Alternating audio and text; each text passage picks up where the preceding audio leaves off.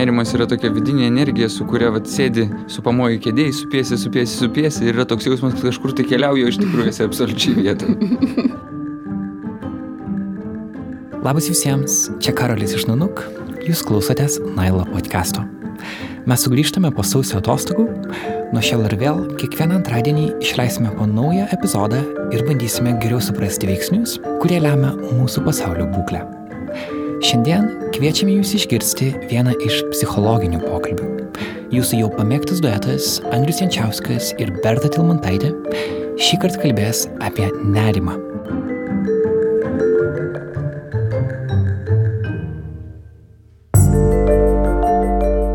Nerimas yra labiausiai paplitusi psichinė lyga Junktinėse valstijose. Jie patiria beveik penktadalį žmonių vyresnių nei 18 metų. Andrius yra profesionalus psichologas, Berta patyrusi žurnalistė, Nanuk žurnalistų kolektyvo viena pradininkių.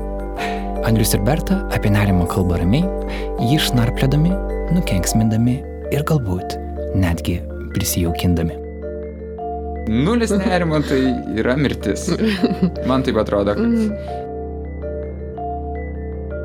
Prieš persikeliant į studiją noriu padėkoti klausytojams, kurie palaiko Nailo podcastą finansiškai per Patreon sistemą. Nuo 2020 pradžios jau prisijungė Mantė Valiūnaitė, Tadas Valančius, Kristina, Dovilė Ramoškaitė, Vilma Traškaitė, Saulė Milaševičiūtė, Laurinas, Marta Gabija Butkutė, Barbara Bailiukevičiūtė, Kestais Kritiklis, Erikas Petrikas, Jurgita Simona, Paulius Jatautas, Monika Rimašiūtė, Aušrinė Armonaitė ir Vita Monkuvienė. O savo skiriamą sumą padidino Indrė Kuliešiūtė. Ačiū Jums visiems. Mes neturime jokios korporacijos finansuojančios mūsų veiklą, nesame kokio nors didelio projekto dalis. Ką susikūrėme su klausytojais, tai ir turime, tad jeigu Jums pakeliui, kviečiame prisidėti. patreon.com slash nanukmultimedia toks yra adresas. Dar kartą patreon.com slash nanukmultimedia. Kaip vienas žodis. O dabar keliamės į studiją pas Andrių Jančiauską ir Bertą Tilmantaitę.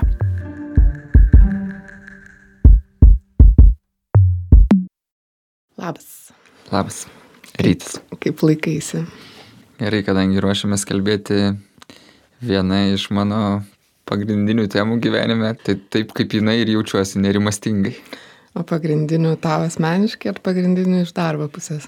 Būtų patogu pasakyti, kad tik iš darbo pusės.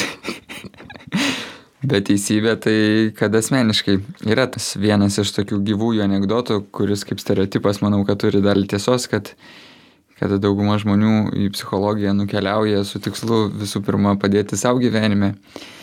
Tai aš kažkaip tais esu turėjęs tą momentą, kai labai aiškiai supratau, kad į psichologiją atkeliavau rasti savo santykį su nerimu, kuris mane daug kankino gyvenime. Ir kai tam tikrų momentų jaučiausi jau su juo pakankamai susitvarkęs, nes iki galo sutvarkyti, man atrodo, yra kaip ir neįmanoma, tada kažkaip vat ir pradėjau spręsti, tai ar aš noriu būti psichologas ir vis dar dirbti, kad padėti kitiems, ar aš jau savo klausimą išsprendžiau. Tai išsprendė ar neišsprendė? Sakau, kad tuo metu, kai jaučiausi jau pakankamai išsprendęs, nusprendžiau, kad visgi noriu dar ir dirbti su kitais ir kitiems padėti. Kad tai nebuvo mano kelias vien tam, kad savo padėti. Bet dar yra ką paspręsti. Nerimo prasme.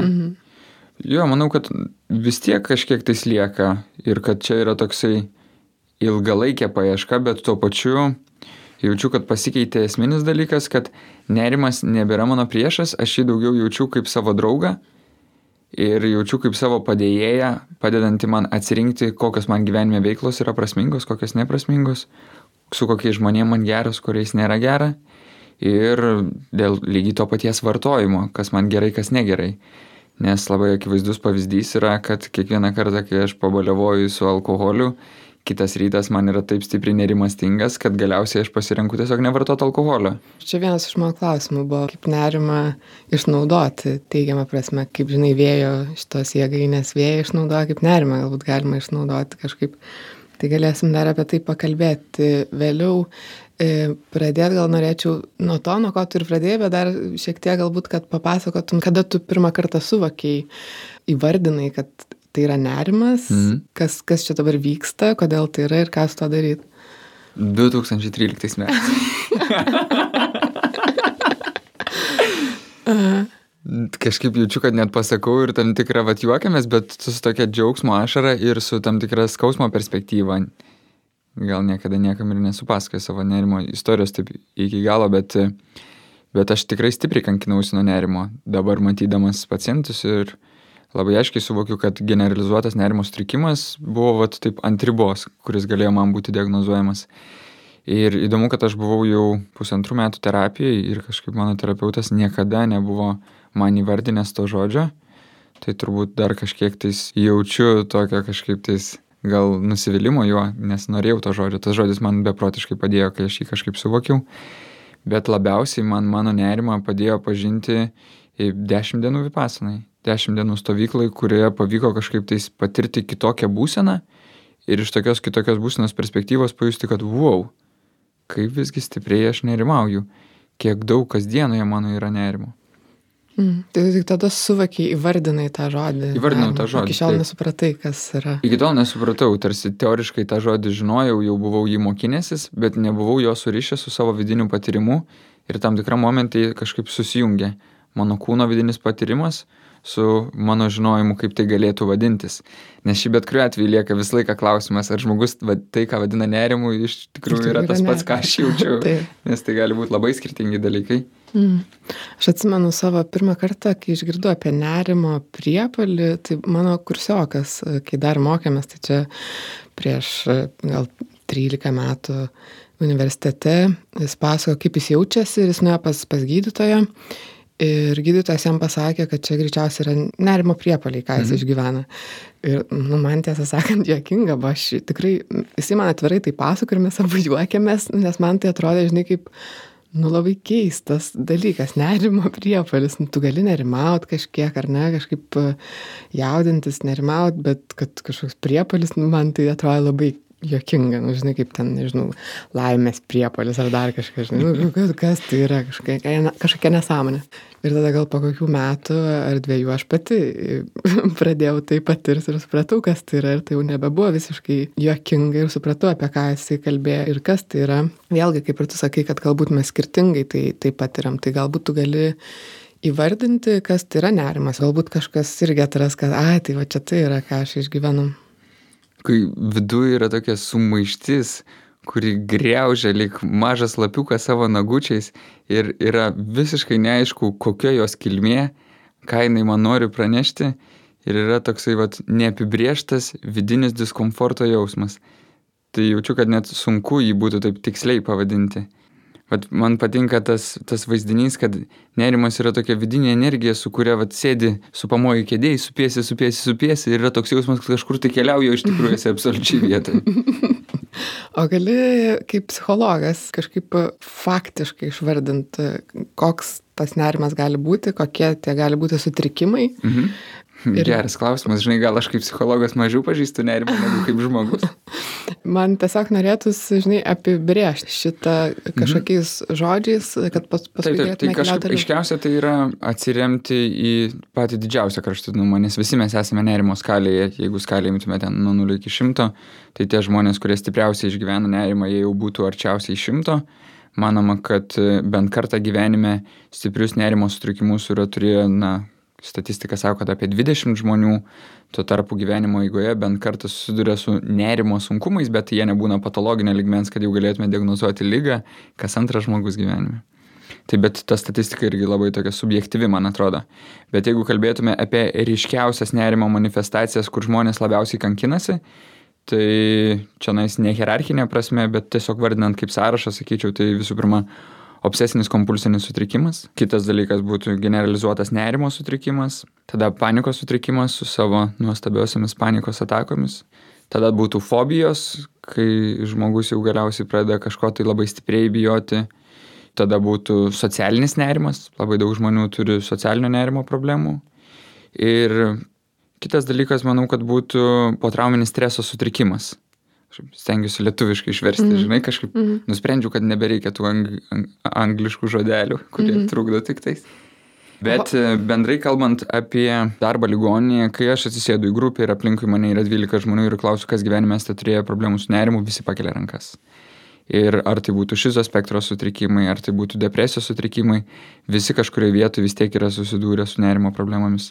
Tie žmonės, kurie yra būtent ligoninės imtyje. Kokie fiziniai pojūčiai arba pakitimai kūne e, randasi patiriant nerimą. Taip, panikos atakoje tai žmonės kalba apie tai, kad pradeda labai stipriai stikti oro, intensyvus toksai kvepavimas, spaudimas krūtinėje, delnai prakaituoja ir viduje yra toks jausmas, kad arba aš to jau išprotėsiu, arba aš to jau numirsiu. Ir yra toksai vienas iš labiausiai kankinančių dalykų, tai yra toksai įspūdis, kad tai niekada nesibaigs. Atrodo, kad dabar tai aš jau papuoliau į tokią beprotybę. Va čia, man atrodo, ir yra pragaras žemėje. Mm. Jeigu nuo 0 iki 10 panikos ataka toje skalėje, kur aš įsivaizduoju, būtų vat, 10 balų, nerimo ataka šiek tiek silpnesnė, šiek tiek silpnesnė, todėl kad netrodo, kad tokia beprotybė, bet irgi jausmas iš vidaus, kad nėra kur pasidėti ir kad nežinau, kaip numalšinti tą jausmą. Tai va čia sakyčiau, kad yra 9 tada sakyčiau, kad vat, stiprus tikrai nerimas, su kuriuo galima susidurti, nežinau, net ir su kažkokiu iššūkiu susidūrus, būtų vat, kokie aštuoni. Toksai dar darbingas nerimas, ypač jeigu išmoksti tvarkytis, tai man atrodo yra vat, penki, šeši, septyni. O toks jau relaksuojantis nerimas yra vienas, du, trys, keturi. Kasdienis. O nulis nerimo tai yra mirtis. Man taip atrodo, kad. Mhm. Ir problema yra tame, kad dauguma žmonių jaučia savo, savo nerimą tik tada, kai jisai pasiekė 8-90 ir iki tol nesugaba apčiuopti. Ir manau, kad viena iš pagrindinių problemų, kodėl tai vyksta, tai yra prastas santykis su savo kūnu. Todėl, kad aš pradedu jausti savo kūną tik tais tada, jeigu nebesugebu nuneikti tenais vykstančių procesų ir užsimti, tarkim, galvojimu arba fokusavimuose į išorę. Tada jau pastebiu, kad kažko tai kūnui čia baisiai pritrūko. Mm, čia labai įdomus pastebėjimas tas santykis su kūnu. Aš dėl to ir sakau, kad vipasna buvo svarbiausias mm. pokytis mano gyvenime, nes taiga savo kūnę aš apčiapiau, kiek daug yra nerimastingumo ir kaip skirtingai jisai pasireiškia. Mm. Gal gali tiem, kas nežino, trumpai pasakyti, kas yra vipasana? Vipasana yra dešimties dienų meditacijos pratybos, kur dešimt dienų dalinai tu mokiniesi technikos, kaip medituoti, bet to pačiu ir tam tikros filosofijos. Tai man atrodo, mokinimasis visų pirma koncentruoti dėmesį į savo kūną, o antra, įgyti tokią poziciją, kad tenais vykstančių procesų aš nevertinu. Aš priemu juos tokius, kaip yra, iš principo bandau būti kaip mokslininkas, kuris tiesiog savo kūną stebi kaip mokslinį eksperimentą. Mhm. Ir va, jeigu tenai susiduriu su nerimu, tada va tenais ir vyksta pirmas momentas, kur jeigu aš įgyju tą poziciją, kad nustoju vertinti nerimą kaip negatyvų vyksmą savo gyvenime, tiesiog stebiu, kaip jisai vyksta, tada aš nustoju nerimauti dėl nerimo. Mm. Ir tada yra tikimybės pereiti prie to, ką labai stipriai, labai stipriai bandė išdėstyti ir gynė Rolomėjus. Kažkaip ruoždamasis ir šitai laidai jaučiau, kad geras, kiek daug Rolomėjus idėjų yra tapusios mano idėjomis, bet aš suprantu, kad visgi čia aš iš jo išmokau. Mm. Tai Rolomėjus labai stipriai advokatavo tai, kad, kad visų pirma nerimas yra natūrali žmogaus gyvenimo būsena, nes visi mes nuolatos esame santykiai su savo pažeidžiamumu su neapibrieštumu, su nežinomybė, kas nutiks gyvenime ir su mirties neišvengiamybė iš dalies tas pats, tarkim, atsiskirimo nuo tėvų procesas, apie kurį mes šiek tiek kalbėjom praeitame mūsų susitikime, ir yra tokia vat, atsitraukimas nuo žmogaus, kuris yra mano tarpininkas su nežinomybė šito pasaulio. Tai kuo aš labiau atsiskirinėjau ir kuo tampu savarankiškesnis, tuo reiškia daugiau chaoso įsileidžiu į savo gyvenimą. Nes nuolatos mūsų gyvenime yra dvi tokios svarbios dalys, kaip yin ir yang - yra tvarka ir chaosas. Kuo daugiau chaoso, tuo daugiau nerimo. Tik vat yra tas sveikasis normalus nerimas ir yra jau toksai nerimas, kuris yra iš principo neurotiškas nerimas. Ir vat jį ir galėtume pavadinti nerimu dėl nerimo, arba jį galėtume taip vat statyti į tokį patikrinimą, kur ar pavojus pakankamai atitinka mūsų reakciją. Ar mhm. mūsų reakcija yra tokio paties dydžio kaip situacija, ar situacija yra 5 cm, o mūsų reakcija staiga metras. Mm. Čia labai tas pavojingas dalykas, kad e, į mintis kūnas kartais reaguoja kaip realią situaciją, nors tai yra tik mintis, o ne reali situacija. Ir galvoju, tos mintis kartais baisesnės, sukeliančias nerimą, negu galimai galinti atsitikti tą kažkokią situaciją. Taip, todėl kad jeigu mes taip stipriai tikime savo mintimis, tai jos mums yra realybė. Bet man atrodo, vienas iš pragaištingų labirintų, kuriame pasiklystame, tai kai kyla iš vidaus nerimas ir nerimas kyla ir reikalauja tam tikro savo dėmesio, o mes dėmesį toliau laikome savo mintise, o mintis yra tokios tikros nerimo mintis, kurios toliau mus gazdina, baugina ir toliau sukelia nerimą, kad mes tada pasileidžiame, kur pradžiai buvo gniužtė, o galiausiai tai jau yra didžiulė lavina. Kad būtent tas fokusas toliau likti mintise ir tikėtis, kad mintimis aš išspręsiu savo nerimą, dažnai yra didžiulis klystkelis. Tai ką tada daryti? Man labiausiai padeda susikoncentravimas būtent į savo kūną. Žinai, kiekvieną kartą, kai pabūni tam tikruose, vat, ar tai mokymuose, ar tai stipriam patyrime, yra visą laiką didelis klausimas, ar pavyks tai pritaikyti gyvenime. Todėl, kad tenais izoliuotos aplinkybės, tenais mokinuosi, nuolat to užsiemu, nelabai turiu kur pabėgti, tai vat neišvengiamai esu to dalis, o paskui gyvenimo eigoje, ar aš tai taikysiu. Ir kažkaip labai gerai prisimenu 2014 metais mes su draugais e, e, didelę kompaniją leidžiame savaitgalį Paryžiuje, atrandame, ką reiškia prancūziškas sidras ir jisai liejasi besaiko. Ir po dviejų dienų tokio linksmo besaikio balevojimo, trečiosios dienos rytą mes stovime prie Versalio rūmų, laukiame milžiniškoje eilėje ir po kelių dienų e, alkoholio vartojimo man visą laiką ištinka labai stiprus nerimas. Ir aš jaučiu, kaip stoviu toje eilėje, jau visas dilgčiaju, koja juda, ranka juda, nerimas kyla, jaučiu jau pasiekė aštuonis. Ir tada iš vidaus jaučiu pirmą išaunantį tokį impulsą, kad kažkas tai man iš draugų nepatinka, man norisi su juo mm. sukonfliktuoti, suorganizuoti tokį sprogimą išorėje ir turiu viduje tą jausmą, kad tikrai palengvės.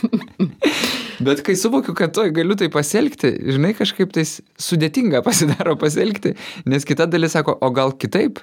Mhm. Ir tada kažkaip atsitraukiu iš minios, kadangi tai yra šilta, šiltas pavasaris Prancūzijoje, tai galiu atsigulti ant akmenų, sukaupti visą savo dėmesį į kūną, taip kaip mane išmokė Vipasanoje, ir per 10 minučių iš to mano 8 balų nusileidžia iki 4 ir aš grįžtu pas draugus toks laimingas, kad kažkaip tą akimirką labai ilgam įstrigo, nes tai buvo vienas iš pirmųjų kartų, kur aš savo kasdienoje panaudojau tą meditacijos išmoktą mechanizmą kaip nusiraminimo mechanizmą. Mhm. Nes man atrodo, kad su nerimu vat, viena iš problemų ir yra, kad nemažai nerimaujančių žmonių turi bėdą, kad vaikystėje neišmoko savęs nuraminti. Jo, ir kad pakeliui prarado gerą ryšį savo kūnu. Įdomu, nes aš kažkaip to tiesiogiai nesusijau, aš galvoju, kad čia tiesiog mano toks e, buvo asmeninis e, dalykas apie tą kūną ir nerimą santyki. Aš 2010-2011 e, gyvenau Kinijoje ir ten gyvendama turėjau labai sudėtingą laikotarpį dėl to, kad griuvo santykiai, buvo daug nežinomybės, mokslai, magistro studijos baigėsi, ką daryti po to, kur gyventi ir taip toliau ir taip toliau. Ir atsitiko taip, kad mano kūnas tiesiog visas, nu, aš nebegalėjau nei sėdėti, nei gulėti, aš valgydavau tik atsiklaupus ant žemės, pasilenkusi prieki ir taip pat dirbdavau su kompiuteriu, buvo, nu, didžiulis skausmas, bet tas skausmą gerai pernešu, tai aš, nu, tempiau kiek įmanom. Nu, vis atrodo, kad čia vis dar, vis dar galiu, vis dar ok.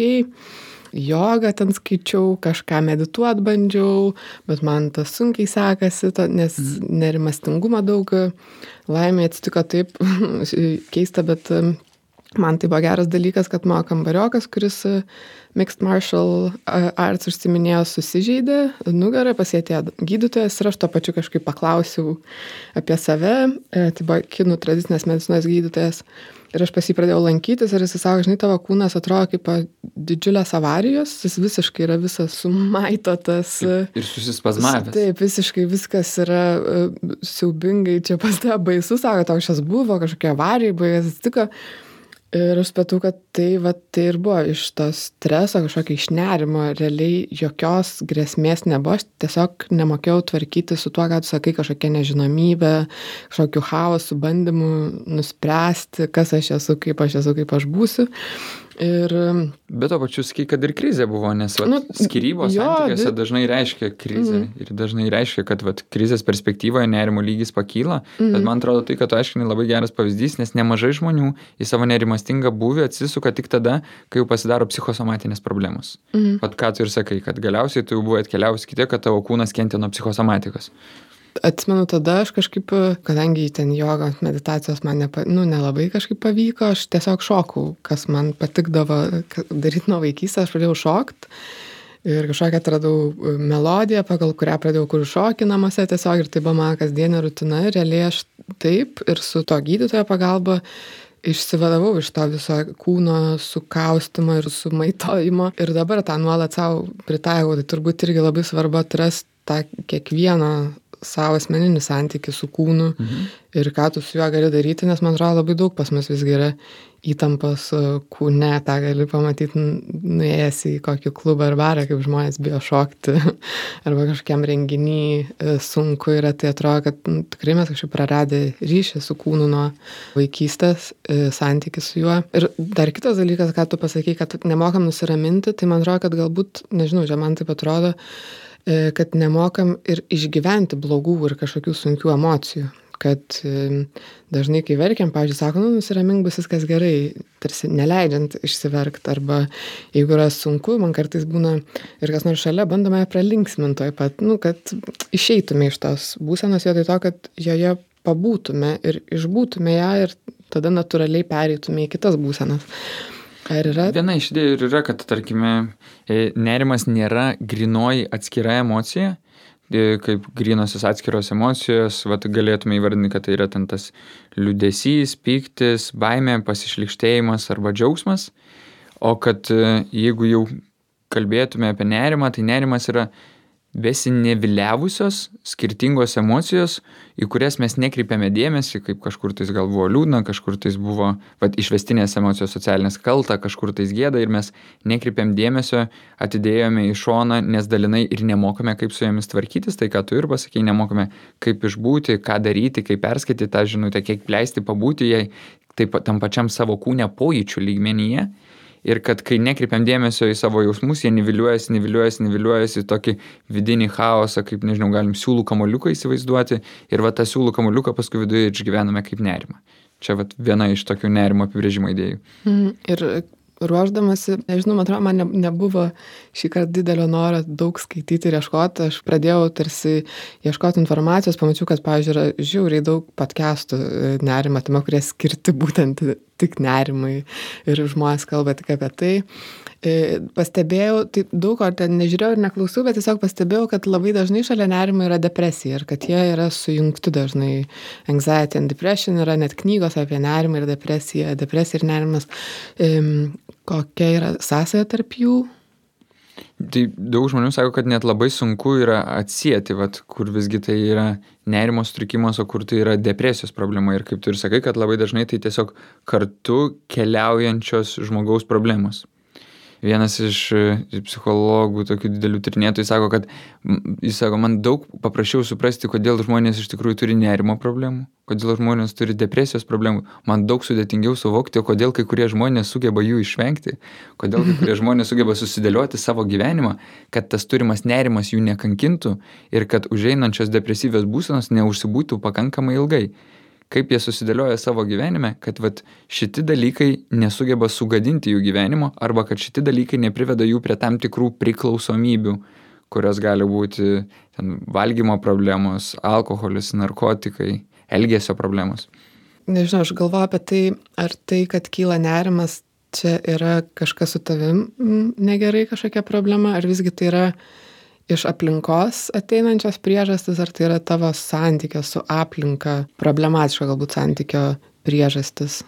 Tai keturi dalykai, aš galvoju. Pirmas toks bazinis dalykas, kad visi mes esame nerimastingos asmenybės ir nerimastingumas yra didelė sveiko žmogiškumo dalis ir gyvasties dalis. Toliau tada galime pradėti galvoti, kad o kaip yra su to tokiu nesveikesniu nerimastingumu, kuris, galima sakyti, dalinai gali būti mūsų sveiko neprieimi, nerimo neprieimimas, o dalinai gali būti jau ta nesveikoji nerimastinga erdvis. Ir čia nais galėtume kalbėti apie pirmą dalį.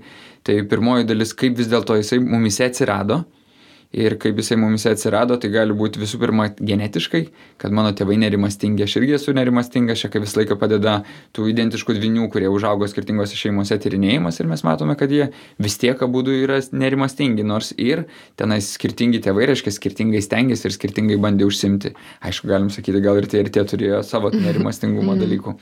Bet mokinimasis tvarkyti su nerimastingumu apskritai yra tokia ilgalaikis mokinimasis mūsų kaip visuomenės, mūsų kaip žmonijos. Tai vad, Tai gali būti genetika, tai gali būti tai, kaip tėvai su tavimi elgėsi ir santykis su tėvais, ar ne kaip tave užaugino.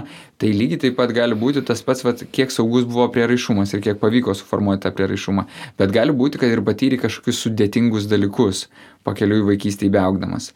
Tai vad pirmas dalykas, tai iš ko visa tai kyla tokių praeities perspektyvoje.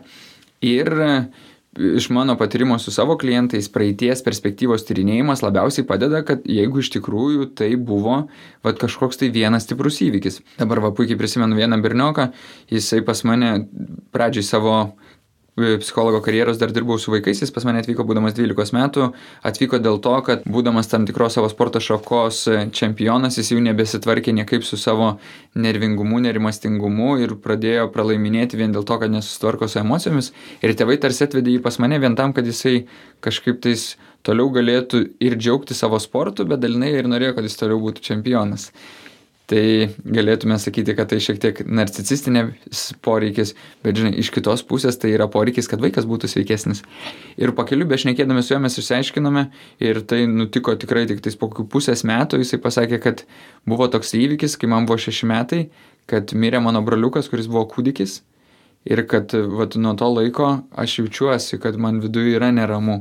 Nuo to laiko kažkaip tais dingo iliuzija, kad aš kaip žmogus esu nemirtingas ir atrodo, kad bet kada gali nutikti ir man kažkas blogo ir aš nuolat bijau, kad ir tėtis gali numirti, ir mama gali numirti. Ir va tai, kad jisai tai išsišnekėjo ir savo sistemui susidėliojo ir pririšo nerimą prie tam tikro stipraus įvykio, va tai jam padėjo. Bet daugumoje klientų žmonės neatranda vieno kažkokio stipraus įvykio, nes tai yra įvykių visuma. Ir kai tai yra įvykių visuma, labai sudėtinga būtent toj pirmojoje fazėje gilintis į tai, iš kur visa tai kyla. Svarbesnė va tada tampa antroji fazė. Kas šiandienoje išprovokuoja, kad nerimastingumas užkyla. Ir va tame jau galima pradėti atsirinkinėti, kas išprovokuoja nerimastingumą. Kokie žmonės, kokie santykiai, kokie darbai, o gal kaip tik darbų nebuvimas ir prasmės nebuvimas gyvenime arba kokios medžiagos. Nes stipriai nerimastingam žmogui iš tikrųjų yra daug ir tokių instrumentinių dalykų, kurie padeda. Tai yra gerai sudėliota rutina, tai yra pusryčiai kiekvieną rytą, geras valgymas, mėgojimas labai svarbus. Atrodo, kad vat, jeigu susidėlioji tas bazės, kurias nėra lengva susidėlioti, arba kaip tu aiškinai, vat, labai gerai tas pats va, sportinis aktyvumas, kaip jisai gerai veikia.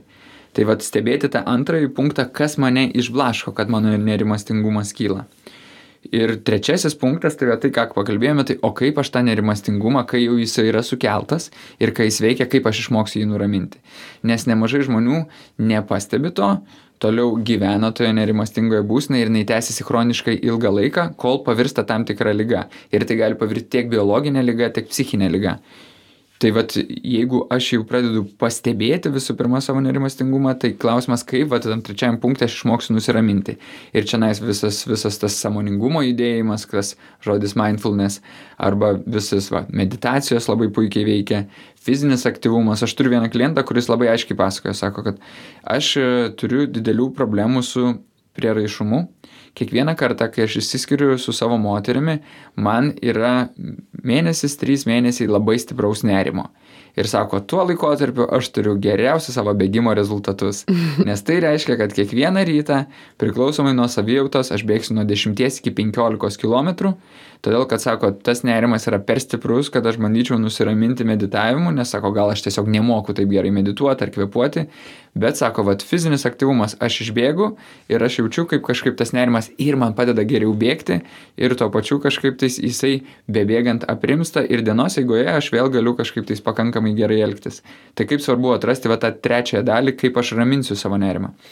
Mm, gali, aišku, būti turbūt ir blogų raminimų kažkoks alkoholis, eskeipizmas kažkoks. Aišku, alkoholis yra vienas iš geriausiai nerimą veikiančių būdų. Ir va tame ir yra, man atrodo, jo didžiulė problema, kad tą vakarą, kai tu vartoji alkoholį, jisai taip gerai veikia, kad pagaliau jautiesi ištrūkęs iš tam tikrų gniauštų. Atrodo, kad kadangi mažiau veikia tas nerimastingumas, tai mažiau skamba ir tas e, aktyvus e, vidinio kritiko balsas mm. ir mhm. atrodo, aš laisvas, aš esu toks fainas žmogus ir aš taip gerai jaučiuosi, tik tais problema, kad kitą dieną tas nerimas sugrįžta su kaupu, nes tai yra toksai pasinaudojimas savo resursais į priekį. Mhm. Bet aš, žinai, lygiai taip pat galvoju, kad būtent apie tą nerimo situacijų suvaldymą tai yra daug ir mokinimas, tarkim, socialinis nerimas, ar ne?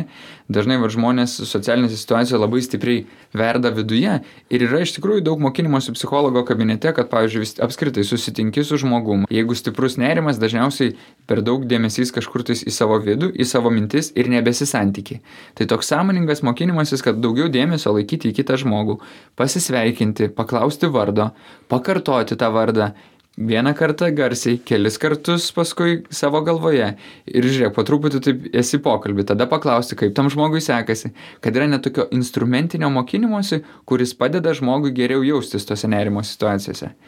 Bet šiaip tai aišku labai svarbu, kad iš to nerimo kamoliuko ir nežinomybės, kaip pavyksta įsivardinti tam tikrus aiškius dalykus, kas va būtent sukelia nerimą. Ir žinojimas tų situacijų ir padalinimas to nežinomo dramblio į gabaliukus, kurie jau yra žinomi, jie sukelia tokios, ne tai kad gal mažiau baimės, bet daugiau tokio žinojimo, kad va, va ten yra man nemalonios situacijos ir daugiau drąsos, kad gerai, jos yra nemalonės, bet vat, aš tikiu, kad aš esu pasiruošęs į jas eiti ir išbūti jas. Ir kai žmogus eina, išbūna jas, jo drąsa auga. Negalima sakyti, kad kažkaip baimė atsitraukia ir jis mažas darosi mažiau nerimastingas, nors baimė ir nerimas yra šiek tiek atskiri dalykai, nes baimė jau būtų tas atskiras grinas jausmas. Mm. Bet vad žmogus įgyja drąsą gyventi su savo nerimastingumu, eiti į tas situacijas, nes priešinga pusė yra labai liūdna. Aš esu susidūręs daug kartų ligoniniai su žmonėmis, kurie vengia nerimo situacijų iki tiek, kad vienintelė saugi vieta jiems tampa sofa ir kompiuteris.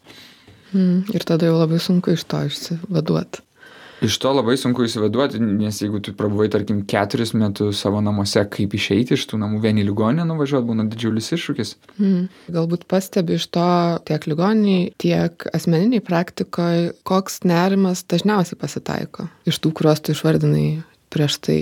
Socialinis nerimas, ar generalizuotas nerimas, ar kažkoks pastraminio sindromo nerimas, ar dar kažkas yra iš tų krypčių, kuri dažniausiai pasitaiko. Nemokėjimas nusiraminti. Mm. Tikrai labai dažnai pasitaiko.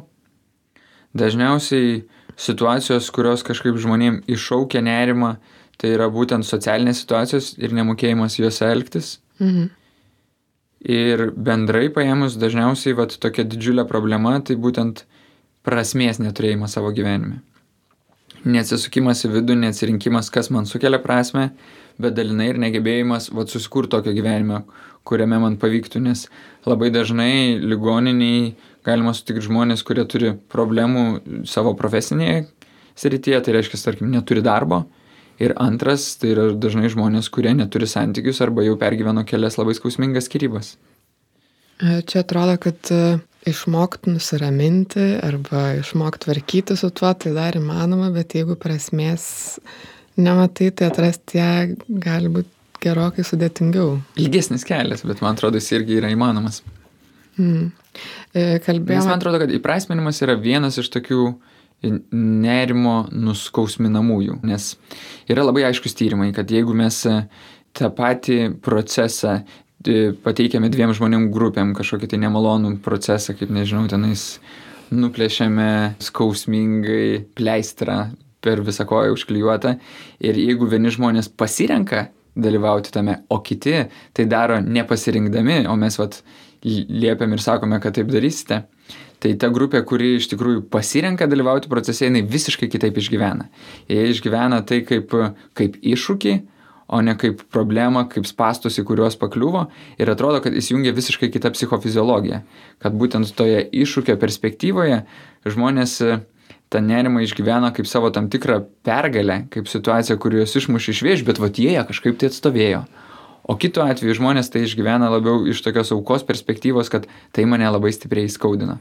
Mm, Važinai, gyventojai nepasirinkom, nei vienas iš mūsų iš esmės buvome įmesti, tai ir dėl to galbūt dažnai ir yra tas požiūris, kad, o aš čia dabar turiu gyventi ir tai priimu kaip auka kiekvieną išbandymą. Bet aš irgi dabar turiu vieną klientą, kuris irgi man tai bando paaiškinti. Jis irgi sako, kad žinai, kad, kad gyventi aš nepasirinkau. Ir iš tikrųjų, kas po tekstu paskui bešnekant išiškėjai, jisai sako, kad aš vis dar savo giliai viduje svarstau savižudybės perspektyvą, mhm. nes vis dar negaliu pasirinkti iki galo gyvenimo kelio. Ir kad man atrodo, kad tai yra vienas iš sudėtingiausių klausimų, kad aš ar visgi aš renkuosi gyvenimą, ar aš renkuosi mirti. Ir kad būtent užstrikti tarp to, to klausimo atsakymų, tai irgi yra vienas iš tokių gilių nerimo sukėlėjų. Tai aš manau, kad kai mes tampame pakankamai sąmoningi, mes savo viduje, ypač jeigu susidurime su giliais gyvenimo sudėtingumais, persvarstom šitą klausimą. Ok, kad ką aš renkuosi. Mhm. Pradedu suvokti, kad šitas gyvenimas yra sudėtingas, kad šito gyvenimo perspektyvoje turėsiu daug kančių, su kurio man reikės tvarkytis ir kad tai nebus tiesiog malonus pasivaikščiojimas po sodą kad tai bus nuolatinis problemų sprendimas ir išgyvenimas. Ar aš renkuosi tokį gyvenimą, ar vis dėlto savižudybė man atrodo geresnis variantas. Ir kai savo viduje pasirinki gyvenimą, tai va čia man atrodo irgi tai nutinka, mhm. kad aš jaučiuosi pasirinkęs gyvenimą ir dėl to pasirinkęs ir tą nerimą. Mhm, tai šiaip ar taip e, atrodo, kad kiekvieno žmogaus gyvenime turi būti momentas, galbūt tai brandos e, e, etapu atsitikti, kad tu sąmoningai pasirinktum gyvenimą. Matai, yra žmonių kažkaip, kurie niekada neišgyvena tokių didelių sunkumų, kad net suabejotų. Mhm. Kad jie automatu atkeliavo į tokį vat, gyvenimo pasirinkimo kelią ir jie gyvena tam gyvenimo pasirinkimo keliui. Tai, tai ačiū Dievui, kad yra žmonių, žinai, kuriem toksai klausimas nekyla ir tikiuosi, kad, kad kuo toliau, tuo daugiau žmonių būtent ir taip gyvens, kad nekils tas klausimas kalbėjom apie socialinį nerimą ir aš noriu šiek tiek paskaityti, kadangi klausiau e, žmonių, e, klausytojų, kad jie pasidalintų kažkuo, dėl ko jie nerimauja. Ir buvo daug trumpesnių atsakymų. E, tai aišku, dažnai yra kažkoks nežinojimas, jeigu nejaučiama stabilumo, kažkokių pokyčių bijoma, dėl lygų ir sveikatos dažnai pergyvenama kažkaip ateitis yra labai dažnai minima, tai reiškia, kad mes turbūt tos dabarties neturim kažkokios stabilios. Nerima kelia žmonėm tai, kad jie negeba e, valdyti, kontroliuoti savo laiko. Atrodo, kad tu švaistai savo laiką, baimės, vat, kad nepavyks kažkas, kas bus tik tai ateityje. Galvojimas, kad turėčiau daryti kažką vertingą, kad tarsi tai, kas, kas dabar yra, nėra pakankama. Darbas dažnai yra, jeigu turi darbą, kartais jis yra blogas arba aplinka bloga, jeigu neturi darbo dėl to, kad neturi darbo, jeigu turi darbą, turi per mažai laiko kitiem dalykam. Ir vienas iš, iš tokių ilgesnių pasidalinimų apie būtent socialinį nerimą, apie kurį mes kalbėjom, kuris man atrodo dažnai ir aš dažnai savo aplinkoje pastebiu tą, kad žmonės e, bijo santykio, bijo viešų vietų, kažkokių kalbėjimų, susitikimų čia toks visai ilgas pasidalinimas, bet kažkiek, kažkiek paskaitysiu, kame atradau gal ir savo praeitį būtų dalykų. Tai žinutė tokia. Nerimas man vis apimantis jausmas, kuris keliauja tiesiai iš nepasitikėjimo savim, kad kiekvienas esantis kambaryje yra geresnis už tave arba bent jau susimokęs, linkęs nepriimti, atstumti. Tada gimsta galvoje istorijos ir scenarijai, kuriais save pasistatai pat, patį nekenčiamiausią žmogų kambaryje, sugalvoji, kodėl kas tavęs nemėgsta iš nereikšmingų detalių. Kaip draugas atsuko nugarą, draugė kurį laiką tyli, kaip tavęs kartu nepakvietėjai parūkyti ir panašiai. Bandymas jiems įtikti, elgtis taip, kaip galvoju, kad jie norėtų, jog aš elgčiausi, susikaustau, galvoje sproginėti patys prieš tai minėti scenarijai, kurie galų gale, kaip virdulių užverda mane, tai tampa nebekontroliuojama pradedu bijoti, kad net artimiausi žmonės, su kuriais esi kartu tavęs, engia kaltini save, kad esi tokioje blogoje nuotaikoje, kad išgyveni šią nesąmonę. Ir skaitydama aš galvoju apie tai, kad mums galbūt trūksta ne tik santykio su savo kūnu, bet ir santykio su aplinka, pasitikėjimo kitais ir kad tas nerimas galbūt E, kyla iš vienatvės, iš to, vat, kad tu jautiesi tarsi kažkaip atskirtas ir neturi bendrumo mhm. su aplinka, nepasitikė aplinka. Taip, iš tokio ankstyvo nesaugaus prieraišumo, iš tokio ankstyvo nepatyrimo savo artimų suaugusių, kas dažniausiai tėtis ir mama, kaip žmonių, kurie mane priims, pasirūpins, paglobos, man bus kažkas sunku, jie išspręs, kad vat neturiu savo saugios erdvės ir žmonės nėra ta mano saugi sala, į kurią galiu atsitraukti. Bet turbūt tą galima pakeisti. Galima pakeisti, tai aš kažkaip šitą vietą netgi pagalvojau, kad taip, turbūt aš ir turėjau galimybę pamatyti nerimą kaip savo problemą dėl to, kad per pusantrų metų saugiai jaučiausi prisirišęs prie savo to paties psichoterapeuto, kuris vat niekur manęs neskubino ir leido man tokio saugaus santykio perspektyvoje pamatyti savo nerimą kaip įtrūkį sistemoje, nes vis tiek man patinka matyti savo tokią vidinę sistemą kaip kažkokią uolą, o va būtent tą giliai užeinantį nerimą kaip įtrūkį. Tai galima lengvai susifokusuoti tik tai į tą įtrūkį ir sakyti, kad o, tik tai įtrūkis, įtrūkis, įtrūkis, įtrūkis. O kažkaip tais vat, patyrus saugų santykių su kitu žmogu galima pamatyti, kad palauk, tai ne tik įtrūkis, iš tikrųjų ir visa ola yra. Aš dažnai irgi pastebėjau save, kad nerimas, ir nežinau, ar tai yra nerimo priežastis, ar nerimas sukelia tą jausmą, kad esi vienas mhm. visiškai. Nors tai yra netiesa, iš esmės turi artimų ryšių, e, bet užpuolus nerimui atrodo, kad nu, čia viskas tik iliuzija, kažkoks įsivaizdavimas, kad viskas, kad iš esmės esi e, vienas. Ir su kuo kalbėjau, e, su draugais, pavyzdžiui, ar pažįstamais šitą temą, irgi tas vienatvės motyvas labai dažnas yra, kad mes visi tarsi labai atsiskyrę individualizmo šitam laike. Ir kad pradėjus sąmoningai kurti tvarius santykius su žmonėm aplinkui, sumažėjo vienatvės jausmas ir sumažėjo nerimo jausmas, bet kad tas santykių kūrimas turi būti labai sąmoningas ir šiaip ganėtinai sunkus turbūt darbas. Iš tikrųjų, kaip nuostabu, ar ne, kad jeigu tu jau turi tiek savų santykių, kad kai užkilo tau nerimas, va jeigu nesugebi pati susitvarkyti, bet tu jau žinai, kad gali paskambinti tam žmogui, pasikalbėti ir jis pasiruošęs tave nuraminti. Ir kai sugebi išgyventi, kad nerimą galima atsinešti ir į santykių, ir santykių kitas žmogus gali tave nuraminti, tai atsiranda toks pasitikėjimas šitų pasauliu, kad pasaulis gali manimi pasirūpinti.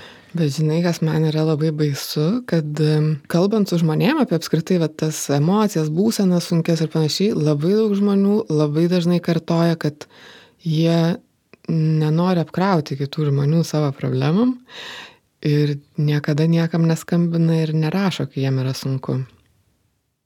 Mhm. Labai dažnas įsitikinimas sutinku su tavim, kad tarsi kaip, kaip, kaip ta liaudėje skambantis posakis, ar ne, kad verk ir tu verksi vienas, juokis, juoksiesi su kitais, bet iš tikrųjų manau, kad kuo gilesnių draugysčių mes turime, tuo dažniau patirime, kad tas dalinimasis, nors jisai nėra toksai įprastas, nes galbūt gyvename sistemoje, kur niekas mūsų nepaklausdavo, kaip tu laikaisi, kaip tu jautiesi, o kas tavo viduje vyksta. Ir šiaip yra spaudimas būti laimingu, nu, toksai, kad, kad ar viskas gerai, kaip tu, gerai, gerai, ir kad jeigu pasakai kažkas blogo, tarsi irgi, ką čia dabar su to daryti. E, kad tarsi nemokamės viens kito priimti, jeigu yra kažkas blogai. Aš atsimenu netgi tokių situacijų, kad jeigu žmogus pasako, kad ten blogai jaučiasi ar liūdna, kažkas sako, ai čia reikalauja dėmesio, taip tarsi tai būtų blogas dalykas ir dar tą kažkaip nuneigia ir nubraukia. Tai man atrodo, žinai, kad tikrai yra žmonių, kurie atėję į kiekvieną aplinką bando pasimti savo dėmesio per tokį aukos būvį ir kad tas aukos buvis iš principo žmonės erzina ir sukelia labai daug pykčio, nes tai yra pasyvios agresijos forma. Tai manau, kad yra problemų ir į tą pusę, ir į tą pusę. Tai sutinku, kad labiau, man atrodo, įprastas ne tiek spaudimas kažkaip gyventi gerai, kiek spaudimas nesidalinti viduje esančiais blogais dalykais ir turėti va tokį įvaizdį, kad viskas su manim gerai. Bet man tai yra labiau tokia vengimo pozicija vengimo ne tik tai parodyti kitiems, kaip aš gyvenu viduje, bet ir vengimo savo viduje susitikti su tuo, kad o kas iš tikrųjų vyksta mano vidinėme pasaulyje, kaip aš tikrųjų jaučiuosi su tais dalykais, kurie yra mano gyvenime. Nes daugumą laiko mes praleidžiame automatinio piloto režime mm. ir vat, tai, kad kažkaip tai sąmoningai pasitikrinti, ar esu čia nais, kur noriu, tai nėra toks lengvas klausimas. Tai, kad sąmoningai savęs paklausti, ką aš galėčiau padaryti šiandieną, kad mano gyvenimas būtų šiek tiek geresnis, tai nėra toks lengvas klausimas. Lengviau ir likti toliau automatiniam režime. O kaip išlaviruoti tarp aukos buvę ir to sąmoningo supratimo, kad kaip aš jaučiuosi iš tikrųjų ir kad galbūt šiandien jaučiuosi nelabai gerai. Man atrodo, kad vat, tam ir yra gebėjimas atskirti socialinės situacijas ir gebėjimas subtiliai vertinti santykius su savo draugais, nes gali būti, kad tam draugui šiuo metu, tarkim, situacija yra kažkuo tai visai netinkama va, pabūti su tavo sunkumais, ar ne? Mm. Bet tu paskambini, jeigu turi artimą santykį ir sakai, žinai, man šiandien sunki diena, kaip tu jauti, gal turi 20 minučių, kurias galėtume mes šiek tiek šnektelti, gal turi galimybę pabūti apie mane šiandieną. Ir draugas sako, nu žinai, sorry, ne, va šiandien kažkaip jaučiu, kad ne, nu, nes nėra vietos. Ir tu, jeigu jūs santykis tiek artimas, žinai, bet ar turi šansų neįsižeisti? ar turi šansų kažkaip tais priimti, kad tikrai, na visų pirma, jis turi savim pasirūpinti, tik tada manim gali pasirūpinti. Ar turi šansų rasti savyje jėgų skambinti antram žmogui sąraše, o jei su antru nepavyko, dar trečiam paskambinti. Man atrodo, tai yra tikrai sudėtingas pasirinkimas. Ir kažkaip lengviau sakyti, ai, ne, ne, ne, aš čia sustoju. Mm. O kiek turi tokių draugų, kuriems gali paskambinti? Aš manau, kad penkis. Mm. Tai čia labai daug, dėl to, kad ruoždamas irgi skaičiu apie tai, kad vienas iš nerimo dalykų keliančių tai ir yra tas va, tartumo trūkumas ir kad JAV buvo daromi keletą dešimtmečių tyrimai, kur žmonių buvo klausama, kiek turi artimų žmonių, kuriem gali paskambinti, bet kada, bet kokioje situacijoje ir pradėjus tyrimą atsakymas buvo penki, tai tu. E, o dabar atsakymas yra nulis. Ir tai yra viena iš tų labai didžiulių nerimą keliančių priežasčių žmonėm. Tas neturėjimas artimų žmonių ir kad atrodo, kad reikia iš naujo pradėti tarsi kurti draugystės ir santykius ir kartu sąmoningai eiti va iki to momento, kad tu galėtum paskambinti ir net galėtum pasakyti, kad oi šiandien aš gal negaliu kalbėti ir kad nei vienas neįsižeistų. Mhm. Aš galvoju, kad žinai, ir tas artumas turi dar daug skirtingų lygių, kur aš, aš tai pastaruoju metu jaučiu, kad kažkaip tais vis tiek veikia tas psichologo fenomenas, kad pripratau ne tiek daug dalinti savo vidinių pasaulių, kiek apsukti fokusą į kitą pusę ir daug labiau žinoti, kaip kiti žmonės gyvena. Man irgi šiaip tą, tą, tą daryti lengviau. Taip, tą daryti lengviau. Bet iš dalies kažkaip tais jaučiu, kad mažai žmonių gali pasiūlyti tokį artumą, kuriame e, skirtų pakankamai vietos ir laiko savo gyvenime mano gyvenimui. Tam, kad kai užduotų klausimą, kaip tu jautiesi ar kaip tu laikaisi, išbūtų nekalbėdami patys ir mm. nesiūlydami savo minčių, savo atsakymų arba nebandydami ten paversti juoku, nes e, nemažai žmonių kažkaip sunkiai išgyvena tą kantrumą Nes tam juk, kad iš vidaus giliai atsakyti, o kaip aš iš tikrųjų jaučiuosi šią akimirką, dėl ko iš tikrųjų pergyvenu, kokios temos mane neramina, kas man yra, vat, nesaugu. Vat jaučiu, man vienas iš didžiausių nerimų dabar yra vis tiek atsiradęs vaikas ir aš vis dėl jo kažką tai pergyvenu, kur atrodo, kad va mano žmona yra tas ramybės šaltinis, kuris sako, Andriu, viskas gerai, nieko mhm. jam nenutiks. Vat reikės skristi į tokį seminarą Rusijoje savaitį laiko ir aš galvoju, savaitį laiko aš jį paliksiu. Mm. Taigi jam bus paliktumo didžiulis skausmas ir kaip jisai išgyvens. Ir man žmona sako, taigi viskas gerai, jisai taigi bus su manim. Jisai taigi, net neatsimins. Nenutiks nieko baisaus. O vat, va, mano kažkaip tai nerimastingumas ir tam tikras, man atrodo, perfekcionizmas šitą vietą kažkaip stipriai kabina.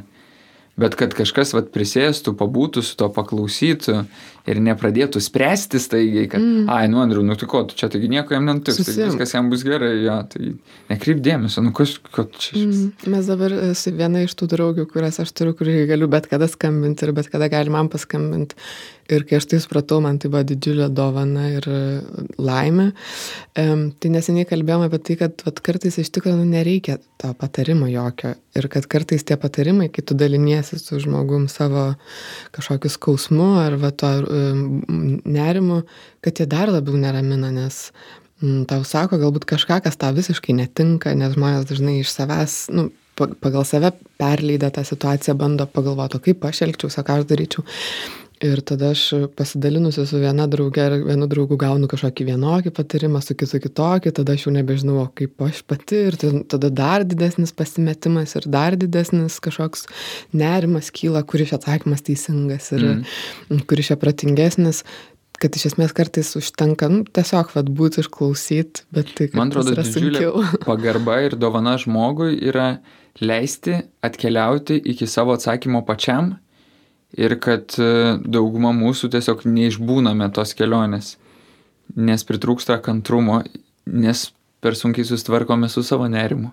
Mm. Todėl, kad tiesiog vat, būti susėdus yra daug sunkiau negu šnekėtis, bent jau man, nes mano viena iš e, nerimastingumo išveikų tai, kad aš pradedu plepėti. Mm, bet šiandien aš pastebėjau, kad maždaug vidury pokalbio nurimai, persijungiai ir sumažėjo žodžių skaičius. Aha, nes buvo momentas, kai tu daugiau kalbėjai ir tą akimirką aš nustojau tavęs klausytis ir buvau labiau su savo kūnu ir tas man padėjo įsižeminti. O girdėjai, ką pasakiau? ne viską, bet jaučiau, žinai, kad daugiau naudos bus iš to, kad pabūsiu čia nais. Mm. Ir čia ir yra sudėtingi pasirinkimai, nes vėl tu gali, žinai, ant manęs užpykti, kad ja, man yra geras valačius. Kokie gali būti dar dalykai, kurie padėtų. Aš dažnai visą laiką bandydavau viską racionalizuoti. Aha, čia taip, taip, taip, čia tas anas, iš ko čia kyla, kaip čia yra, e, ką daryti, bet kartais gal e, jaučiu, kad ta kova tarp proto ir jausmo kartais na, irgi gali daugiau įtampos ir nerimo kelt. Mm, terapija, aišku, padeda va, tas savęs ir kūno um, santykio atradimas. Yra e, meditacija minėja, ar ne? Skaičiau, kad galbūt dienoraščio rašymas, kažkoks tas vedimas, iš, išrašymas. Yra galbūt dar įrankių, uh, kuriuos galėtum paminėti? Tai vienas iš įrankių, kurį pakeliui sakiau, kuris man atrodo labai gerai veikia. Tai būtent darimas tų dalykų, kurie man kelia nerimą, bet toksai dozuotas darimas, po truputėlį pratinimasis prie jų. Viena iš mano tokių sėkmingiausių pradedančio psichologo istorijų tai buvo kaip kaip tuo metu mažai pažįstamą žmogų, vėliau kažkaip susikūrė draugystę, bet mes tiesiog vien, abu du kartu buvome vienoje tinklinio stovykloje ir sportavome visą savaitę ir tas žmogus sakė, kad kiekvieną kartą, kai aš skrendu lėktuvu, aš išgyvenu labai stiprų, kartais nerimo priepolį, kartais panikos priepolį ir esu pripratusi tiesiog vartoti stiprius raminamuosius, bet net ir raminamuosius pramuša tie mano nerimo priepoliai ir aš įskiau, o žinai ką, o gal pabandykime mes kažkaip va padirbėti per tą skrydį tu atsisės šalia manęs ir mes pabandykime kažkaip viso skrydžio metu šnekėtis, kad neišgertų tų tablečių ir pažiūrėsim, gal kažkas gausis iš to. Sakau, aš tai pradedantis psichologas, kur nelabai aš gaudausi, bet sakau, o gal kažkas pavyks. Ir viso skrydžio eigoje taip ir vyko, kad mes šnekėjomės, kiekvieną kartą, kai užeidavo stiprus nerimas, mes buvom sutarę tokį vat, būtent modelį, kurį aš esu labai aiškiai patyręs su savo nardymo instruktoriais, kad jie sako, kad jeigu tau jau yra blogai, tu spausk mano ranką. Ir kai spaudi ranką, yra toks jausmas, kad kažkaip tai pasidalini to nerimu ir kad kitas žmogus žino, kaip tu jautiesi, tada tu nelieki, va tai, kad tu paminėjai vienišas su to savo nerimu. Mhm. Tai buvom starę, kad neįspaustų mano ranką, aišku, per tą keturių valandų skrydį mano ranka buvo visiškai nuspausta, bet jeigu mes visą laiką kalbėjomės, kažkaip vis bandėme nuiminėti po truputėlį nuo to nerimo, kaip nuo svogūno išorinius sluoksnius ir žiūrėti, o kas viduje, apie ką labiausiai nerimas. Ir po truputį keliaujant tiems sluoksniams kažkaip tai labai giliai išniro tai, kad ta moteris labiausiai bijojo, kad skrydžio metu jinai gali numirti ir kad baisiausia jai mirtis atrodė ne tai, kad jinai numirs ir jos gyvenimas pasibaigs, bet baisiausia jai dalis atrodė, kad jos vaikai nebesugebės pasirūpinti savimi, nes vad būtent papildomas nerimo lygis jai atsirado, kas iš tikrųjų ir labai dažnai nutinka, tai atsiradus vaikams, va ką aš pasakoju, kas pas mane yra atsiradę kad jinai įsivaizdavo, kad niekas nesugebės vaikais pasirūpinti ir kad mes kalbėjomės toliau ir kalbėjom, kad va žiūrėk, savaitę dabar tavęs nebuvo, o kas rūpinosi tais vaikais. Ir kad va tame nerimastingame būvi pas ją pradėjo rastis mintis, kad nu tikrai kažkaip tie vaikai išgyvena. Ir paskui jinai man, va, jau iš karto po pusmečio, jinai daug skraidantis žmogus, jinai per pusmetį apturėjo 22 skrydžius ir jinai man skambino, vežė lauktuvės ir sakė, Andriu, įvyko kažkoks tai stebuklas, bet sako, aš skrydžių metu nebenerimauju. Ir čia yra puikus būtent tas įvykos kelias apie tai, kad vat, jai įvyko toks nujautrinimas, kad skrydis jai nebekelia tokio didžiulio nerimo.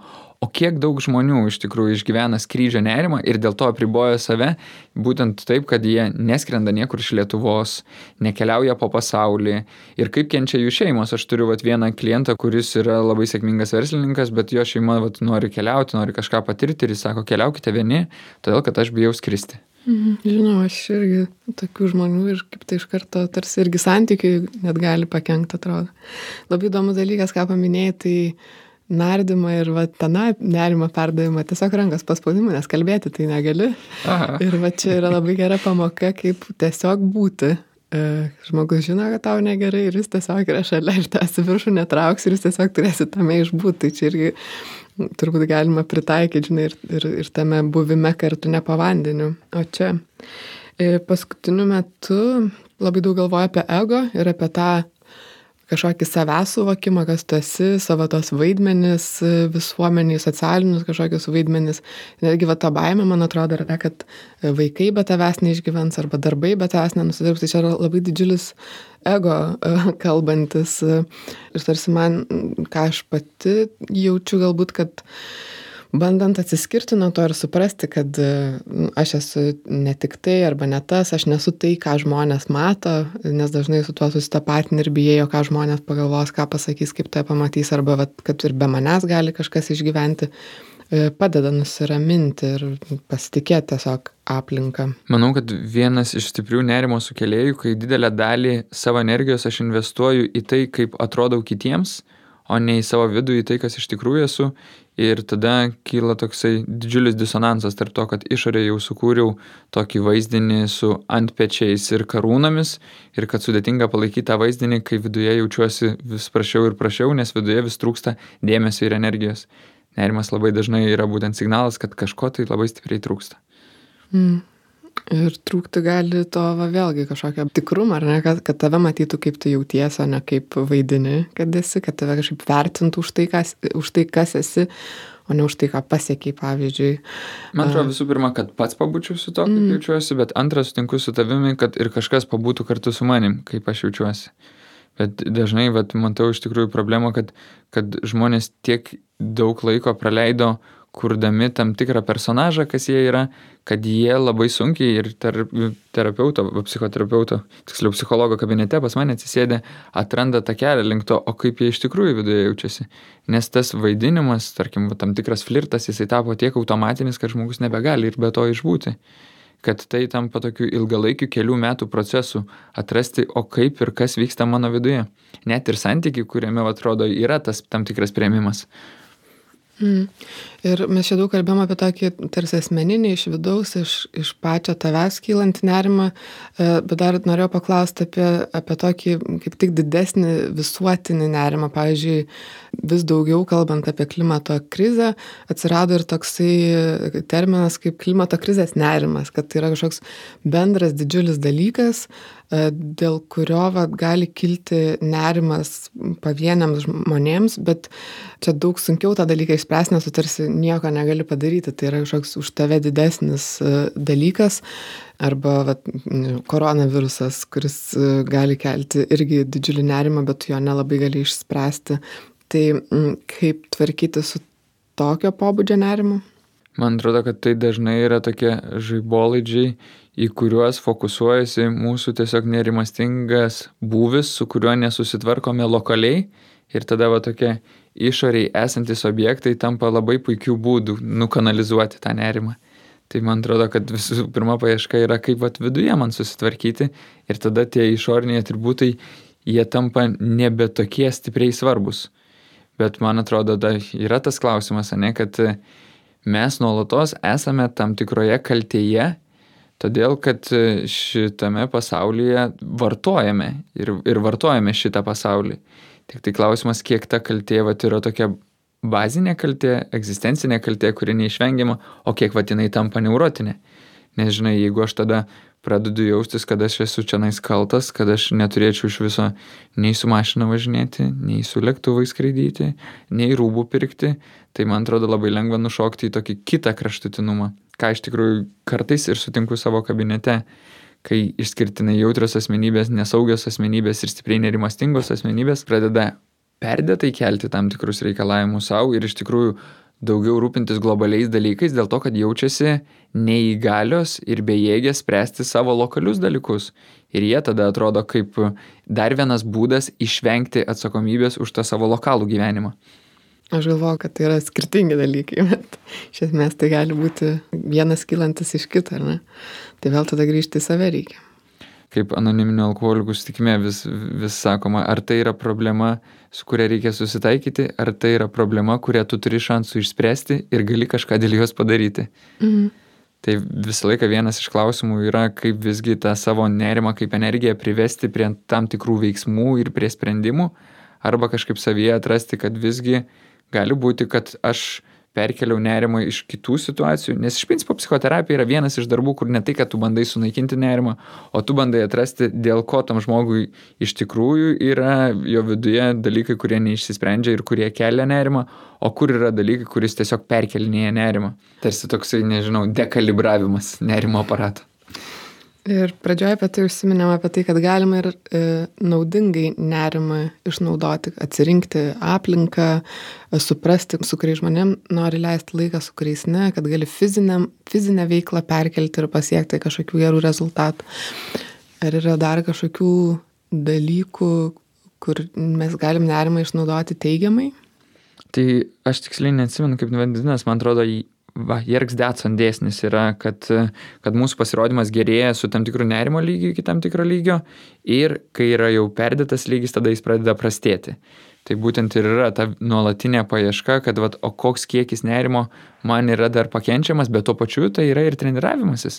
Nes jaučiu, kai kiekvieną savaitę einu į nerimo situacijas, tai tos nerimo situacijos man tampa pakankamai primtinos. Kad vat, ir šiandieną labai aiškiai situacija, ar ne, kad noriu, kadangi susitarėme, ateinu čia nais, noriu ateiti, noriu pasikalbėti su tavimi, bet žinau, kad turiu ribotą laiką, dvi valandas, pasiruošti šitam susitikimui. Bet per tas dvi valandas, kadangi artėja jau terminas, kada susitiksime, nerimas yra pakilęs ir tas nerimas man padeda būti pakankamai produktyviam, nes atrodo, kad tuo metu tampu kaip kempiniai, kuria informacija tik čiuk, čiuk, čiuk, čiuk, čiuk, čiuk ir sukrenta. Be abejo, yra kita problema, kad tai yra tokia trumpalaikė atmintis, iš kurios nemažai dalykų paskui išbyra. Bet va čia yra pavyzdys, kaip nerimas gali būti mums pagalbininkas pabūti efektyvesniems kurį laiką. Yra kita problema, va, dažnai žmonės vengia pokyčių savo gyvenime, nes pokyčiai sukelia nerimą. Vienai mano klientai kiekvieną kartą, kai griūna planas, kurį jinai privalo iš anksto susidaryti, tarkim, jos vyras nusprendžia, kad va, šiandien jisai norėtų vakarą praleisti kitaip, jei tai yra didžiulė nerimo teritorija. Ir dalinai vyras gali pradėti taikytis prie jos ir nebekeisti planų, tiesiog va, gyventi tokį griežtą gyvenimą, bet tada klausimas, ar ne, kada iš ir santykiai.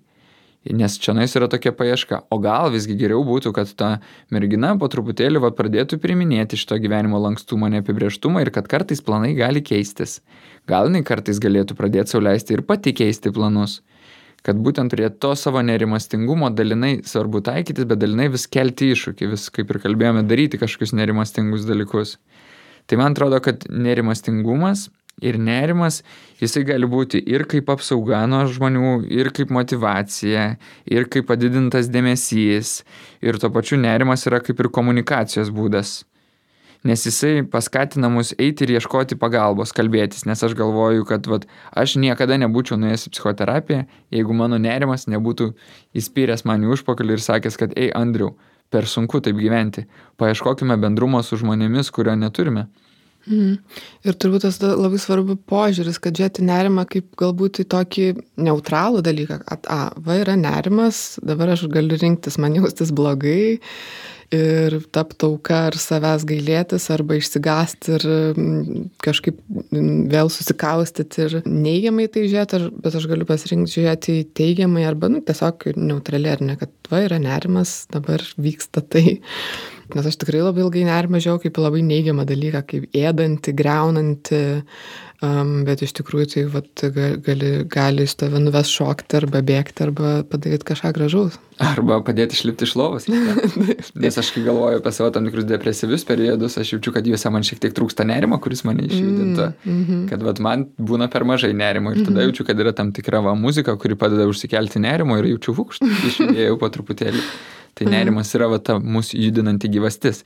Tik man atrodo, kad va, tame ir problema, kad e, atėjęs į psichoterapiją, aš turiu šansų atrasti, ar vis dėlto turiu tą va, bazinį egzistencinį nerimą, ar turiu jo perteklį, kur turiu jo perteklį, o kur yra ir stygius, kur per mažai nerimauju, kur reikėtų perkelti savo nerimą. Ir turiu galimybę atrasti, kaip vad nerimą įdarbinti savo gyvenime kaip vieną iš tokių bangų, ant kurių aš čiuoščiau ir kuri man padėtų šitam gyvenime gyventi, kuri būtų mano komandos draugas, o ne varžovas. Mm. Nes apskritai išvengti nerimo, man atrodo, kad yra neįmanoma. Jo, ar ta problema bandyti nuneikti, kažkaip užspausti, paskui išsiverčia į kažkokias sveikatos problemas, ant skrandžio, opos ir... Nemiga labai geras Nemiga. pavyzdys. -hmm. Aš tai galvoju, kad vat, vienam iš savo vipasinos pabuvimų, kai dešimt dienų praleidai toj meditacijai, esu netgi patyręs tą momentą, kur sėdžiu meditacijoje, tai yra paskutinė dešimtoji diena Tai yra 2 valandų trukmės meditacija nuo 4.30 iki 6.30 ir esu jau ilgą laiką labai nevalgęs, esu pakankamai mažai miegojęs ir jaučiu kažkaip kaip tos vat, papildomos aplinkybės staiga jau virsta nenerimu, man stebint savo kūną, užeina panikos ataka. Ir tai buvo, žinai, vienas iš tokių giliausių išgyvenimų, kad man pavyko toje vietoje neiššokti į panikos atakos traukinį, kuris ir nuneša ir sukelia tokią idėją, kad tuo gyvenimas pasibaigs arba išprotėsiu, o pavyko toliau išlikti stebinčiui, kas vyksta.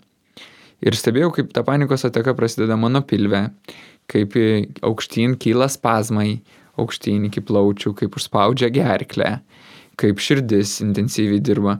Ir sugebėdamas išlikti stebėtojo vaidmenį, aš pajutau, kaip per kelias minutės ta panikos ataka aprimsta, aprimsta, aprimsta, aprimsta, aprimsta.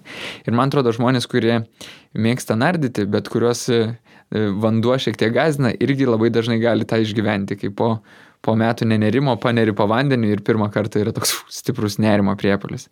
Bet man atrodo, kad jeigu įmanoma neiššokti traukinį su nerimo taka, su panikos priepoliu, reiškia, mes įmanoma užsiauginti tokį stebėtojo lygmenį, kad tai net ir savo giliam patologiniam lygmenį manęs taip stipriai negazdintų.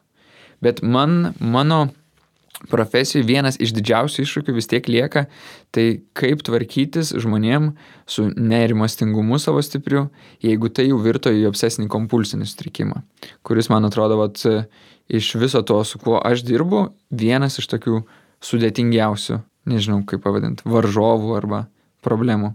Nes kai jau tos mintis tampa įkyrios, kai prie tos įkyrios minties prisiriša stiprus nerimastingumas, kai žmogus susikuria tam tikrus elgesius kaip savo ritualus ir kai tos ritualus pakrauna stipriai energetiškai ir susikuria tas toksai jausmas, kad vat, nuo ritualų man palengvėja ir kaip vis ir keičiasi tas ciklas įkyrios mintis ritualas, įkyrios mintis ritualas ir žmogui toleto procedūros užtrunka ten 3 valandas, dušo procedūros užtrunka 4 ir staiga jis tampa nebeįgalus veikti.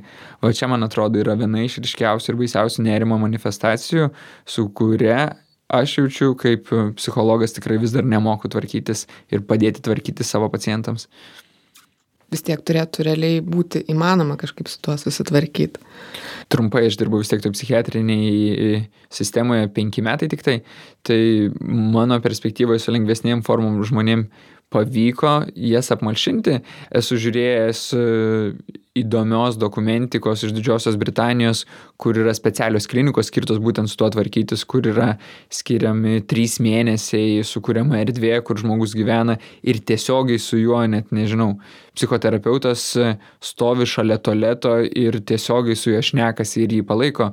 Tada vad galima pastebėti pokyčius, bet man atrodo, kad kol kas pas mus šiek tiek trūksta ir pačiose institucijose resursų, kad galėtume organizuoti tokio aukšto lygio pagalbą, kokio aukšto lygio tai yra sutrikimas ir problema.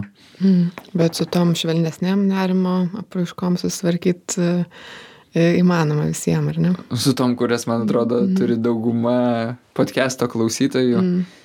tai yra tikrai įdomus ir gali būti netgi malonus iššūkis tvarkyti su jom viltį svarbu turėti, ar ne, susikurt kažką, kas laukia, kas padės išeiti iš bet ko, kas, kas galbūt sunku. Net ir vakar vienas toksai nuostabus 70-metis žmogus, su kuriuo dabar dirbu ligoninėje, man sakė, kad, žinai, Andriu sako, kad gal tai skambės vaikiškai, bet vienas iš dalykų per nerimo priepolius, kuris man pradeda vis labiau veikti, kuris vis labiau virsta mano tikrų tikėjimų, o nebe tiesiog mentalinė idėja, tai yra kad tai pasibaigs, mm. kai, vyksta, kai vyksta nerimo priepolis. Nesako, mentalinė idėja, kaip va tokia proto idėja turėti, kad tai pasibaigs, yra visai kas kita, negu būtent tą akimirką turėti tikėjimą, kuris dalinai jau remiasi ir mano patyrimą, kad tai pasibaigs ir kad tai nebūtinai pasibaigs mirtim. Tai yra žmogus, kuris turėjęs ir kelis infarktus ir kiekvieną kartą tas nerimas jam yra labai susijęs su būtent pasikeitusiu širdies darbu. Ir ta tikimybė, kad tai galėtų baigtis mirtimi, jinai tikrai nėra tokia niekinė ir kad tai nėra vien tik tais vat, psichologinė perspektyva. Bet jisai sako, žinai, Andriu, jeigu aš sako, vieną kartą mirsiu, o prieš tai būsiu tūkstantį kartų bijojęs, kad numirsiu, tai jau kažkaip tai tiesiog paprašiau tą vieną kartą numirti. Ačiū tau už šiandienos pokalbį. Aš tikiuosi, kad jis ramybės e, duos daugam. Ir ką, važiuojam aplankyti tavo vaikelį. Pažiūrėsime, kiek nerimastingas įveisėjau su tais tėvais.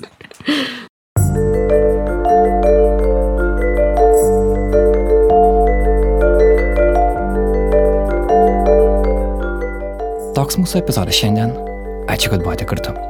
Anksčiau Berta ir Andrius yra kalbėjęsi apie santykius su tėvais, apie perdygimą, taip pat apie seksualumą. Raskite šios pokalbius Nailo podcast'e ir pasidalinkite jais su tais, kam svarbu. Mes esame dėkingi Martino Mažvydo bibliotekos garso įrašų studijai, kur atlikome šį įrašą. Garso režisierės čia yra Katažina Bitoft ir Aistė Baltraitytė. Tai yra paskutinis Aistės įrašas studijoje.